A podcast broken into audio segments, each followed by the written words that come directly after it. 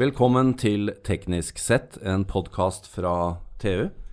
Eh, Jeg sitter her med Odd-Rikard Valmot. Hei, hei. Hei, Odd-Rikard. Mitt navn er Jan Moberg, jeg er sjef her i TU. Odd-Rikard, vi tar fatt på det periodiske system. Det gjør vi. Det er en uh, lang, lang affære, det, gitt. Men fremst i rekken hydrogen.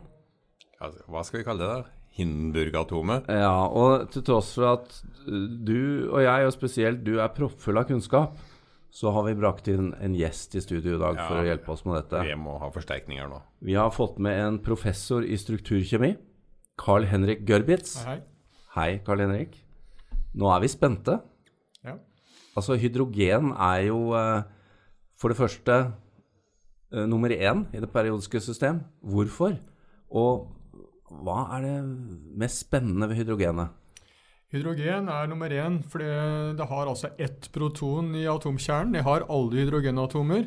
Det fins ulike varianter av hydrogen. Det fins vanlig hydrogen, som utgjør nesten all hydrogen. Der er det ingen nøytroner i kjernen. Så har vi det såkalt tungt hydrogen, hvor det er et nøytron i tillegg i kjernen. Det har vi det såkalt støyterium, som vi jo kjenner fra tungtvann bl.a. Så finnes det også en tredje isotop av hydrogen som heter tritium, hvor det er to nøytroner i kjernen. Den finnes det i ørsmå mengder i atmosfæren. Den er radioaktiv, og den er ja, veldig, veldig lite. Så, så hydrogen alene har faktisk et eget periodisk system? Ja, du kan nesten si det sånn. Altså, det, er jo ikke, det er jo ikke uvanlig at grunnstoffer har isotoper. Eh, og hydrogen har altså da to stabile isotoper, hvorav én er den totalt dominerende, den vanlige hydrogenen som vi forholder oss til. Og så er det en, flere, en og flere radioaktive isotoper i tillegg.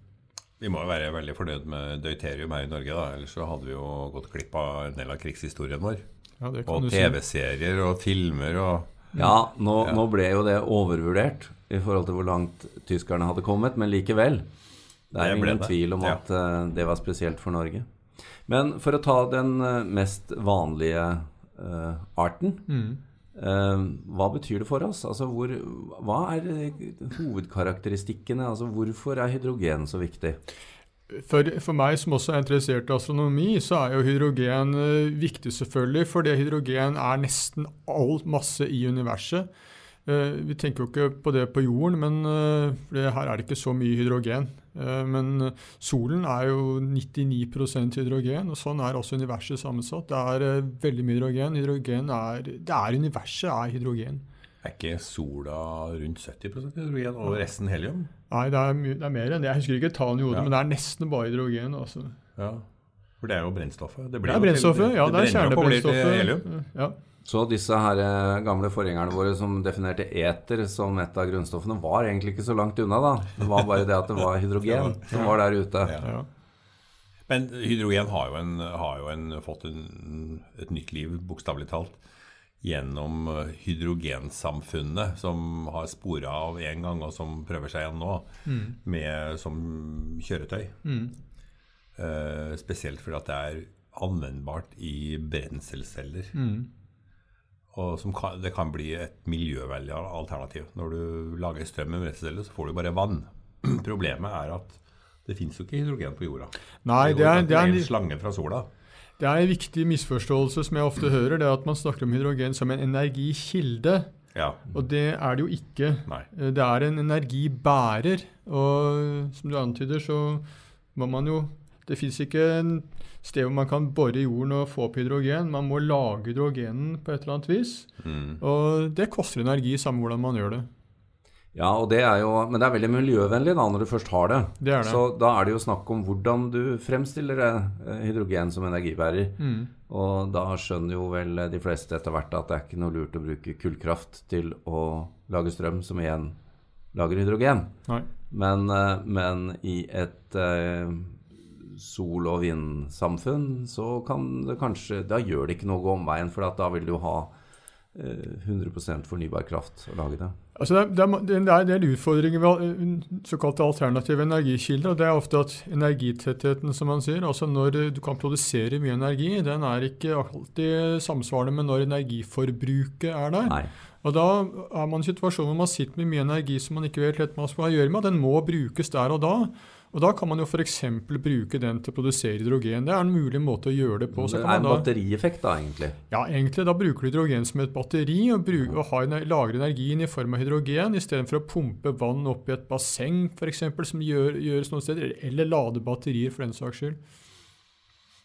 Ja, Men det er jo likevel Vi tenker jo ofte på Man sier at det er lite eller ikke er hydrogen på jorden. Vi tenker på H2O, og vi tenker jo på verdenshavene og alt det. Mm. Vi, vi tenker jo at det er masse av det. Det er det. og det er, altså Verdenshavene er en uendelig kilde til hydrogen for oss.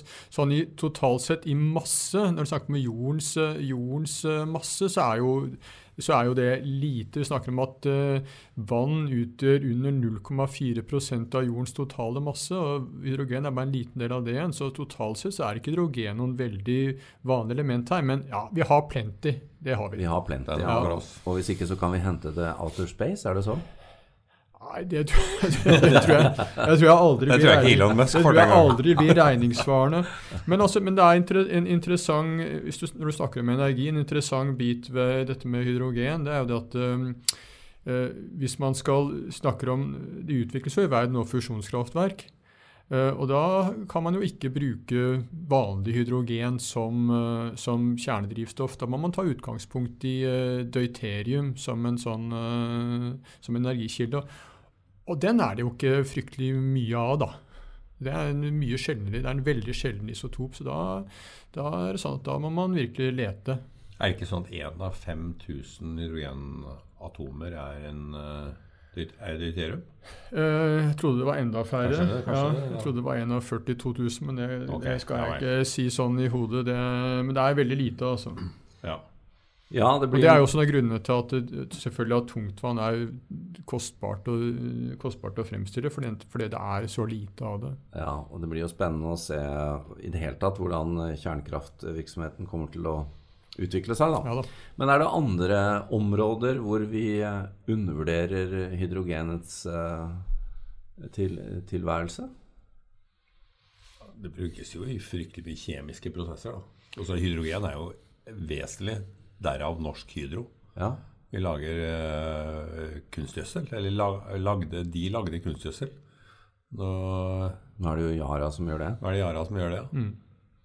Så Norge har jo vært en hydrogennasjon. Ja, det kan man nok si. Og derfor ble vi også en uh, deuteriumnasjon. Det var et, et biprodukt. Det stemmer. det? Var eh, produksjonen av tungtvann på Rjukan. Det var egentlig bare et overskuddskraft fra kunstgjødselproduksjonen som de brukte til det. Mm. Men hva skulle vi med tungtvannet, egentlig, utgangspunktet? Vi skulle vel egentlig ikke noen ting med det. Det bare ble laget til eh, Laget og lagret? lagret og lagret og solgt til eh, Tyskland eh, før krigen. Og etter hvert så ville de ha det under krigen òg. Hva brukte de det til, foruten Tysk- våre spekulasjoner om, eh, om kjernekraft? Ja, det var jo snakk om å bruke det i en kjernereaktor eh, for å lage kjernevåpen. Det, det er mange måter å lage kjernevåpen på. Det amerikanerne endte med å gjøre, det var jo å lage en bombe basert på eh, anriket uran. Det var teknologi som krever at du driver med anrikning, og det kunne ikke tyskerne, eller ville ikke prøve seg på. Så de ville isteden lage en eh, bombe plassert på plutonium, uh, hvor man uh, brukte da eh, altså plutonium som drivstoff. Da trenger du ikke anrike det, men da trenger du å ha deuterium, som, eller tungtvann, da, som en moderator i reaktorene som skal produsere drivstoffet. Så det var det de skulle bruke dette til. Så når vi, når vi hører at det er snakk om hydrogenbomber, Ja. hva snakker vi om da? Hydrogenbombe er jo en eh, bombe hvor du, hvor, hvor, du prøver, eller prøver, du faktisk du gjenskaper den prosessen som er på solen ved å omdanne hydrogen til helium i en fusjonsprosess. og Det gir et eh, utrolig stort energiutbytte. Eh, faktisk er en atombombe, en regulær atombombe, er tennsatsen i en hydrogenbombe. Du må ha ganske mye temperatur for å få det hele i gang.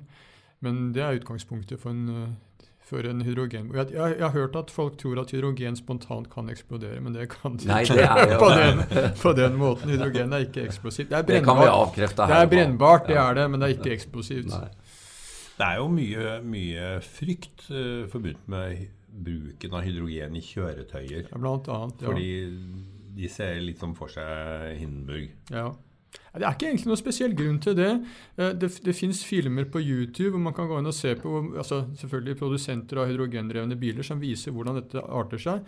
Problemet er at når du tar fyr i en bensindreven bil, så renner jo drivstoffet er jo en væske, renner ut på bakken, og du tar fyr på bakken rundt deg. Sprer det. Og sprer det veldig lett på mennesker og på klær osv. Så sånn. Uh, mens hydrogen er jo en gass, og i det øyeblikket denne tanken uh, går hull på eller tar fyr, så går alt sammen rett til værs.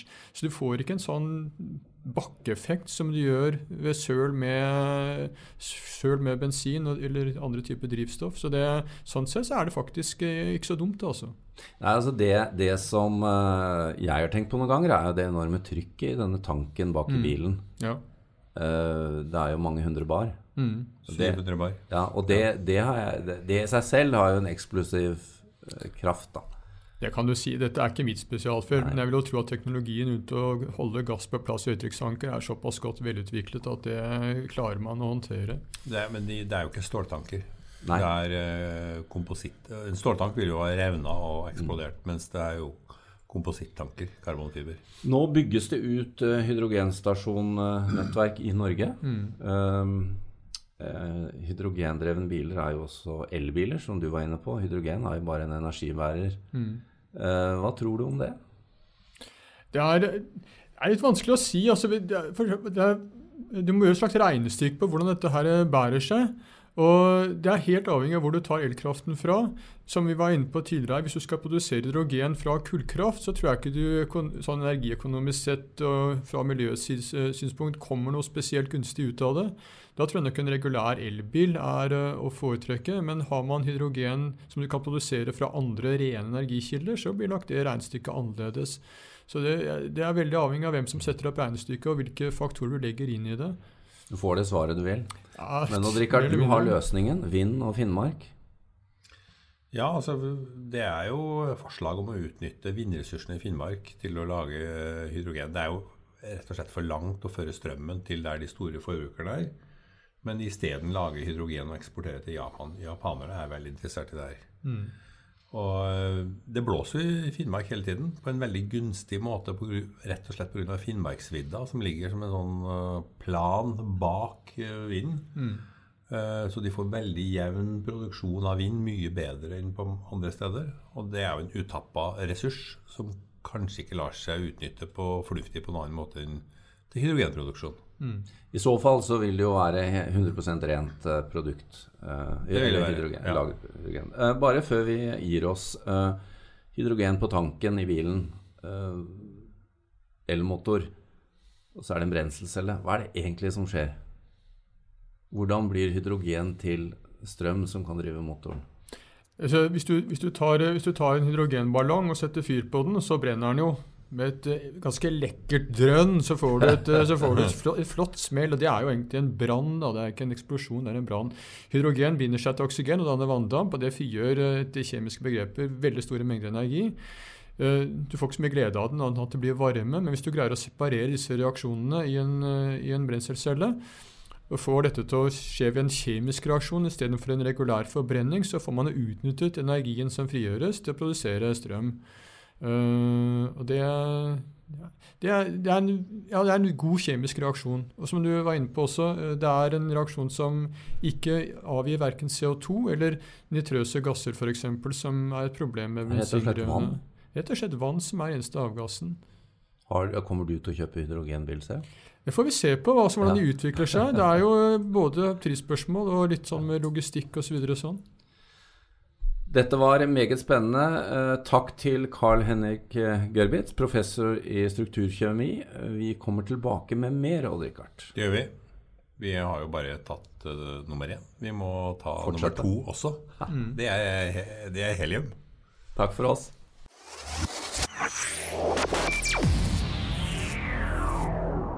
you